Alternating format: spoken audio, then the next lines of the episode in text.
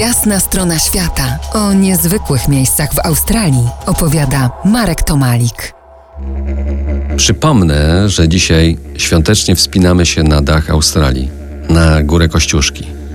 Najpiękniejsze, ale i najdłuższe wejście jest od przełęczy Charlotte Pass.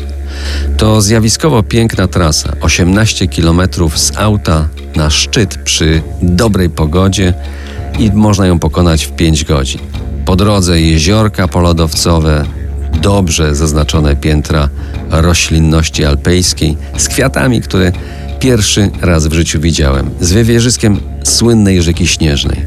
Śnieżnej? A pamiętacie słynną adaptację filmową The Man from Snowy River z Kirkiem Douglasem? Film powstał na podstawie poematu Banjo Petersona, który miał on gdzieś taką siłę noszenia jak nasz Mickiewicz, za to styl znacznie inny, lżejszy, mniej mesjanistyczny. Ale wróćmy na dach, do trekkingu na dach Australii. Na górze byłem już cztery razy, wszystkimi możliwymi drogami. Spinałem się, ale ten pierwszy raz pamiętam najmocniej, bo wtedy zapłaciłem słoną karę za ignorancję.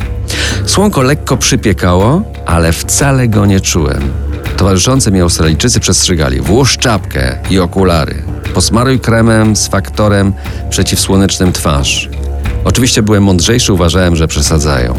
Pierwszy ból głowy pojawił się na szczycie, gdzie próbowałem gospodarzy uczyć prawidłowej wymowy i mówiłem: Nie mówi się Montcozy czy Koziosko, tylko Kościuszko. Australijczycy się jednak wcale tym nie przejęli. Nazwa szczytu jest dla nich tak obca, dziwna, że większość widzi w nim nazwę aborygeńską.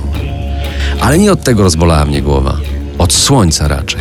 W drodze powrotnej Kerry dał mi swoje okulary, które ściągnęły tylko część bólu. Tabletki w aucie niewiele pomogły, a następnego dnia skóra zeszła z całej twarzy. To było poparzenie. Ten stan definitywnie przesądził o mojej świątecznej kondycji, jednak po aplikacji dobrej maści poczułem się lepiej, mogłem świętować. Jak? O tym opowiem za kwadrans i jeszcze trochę.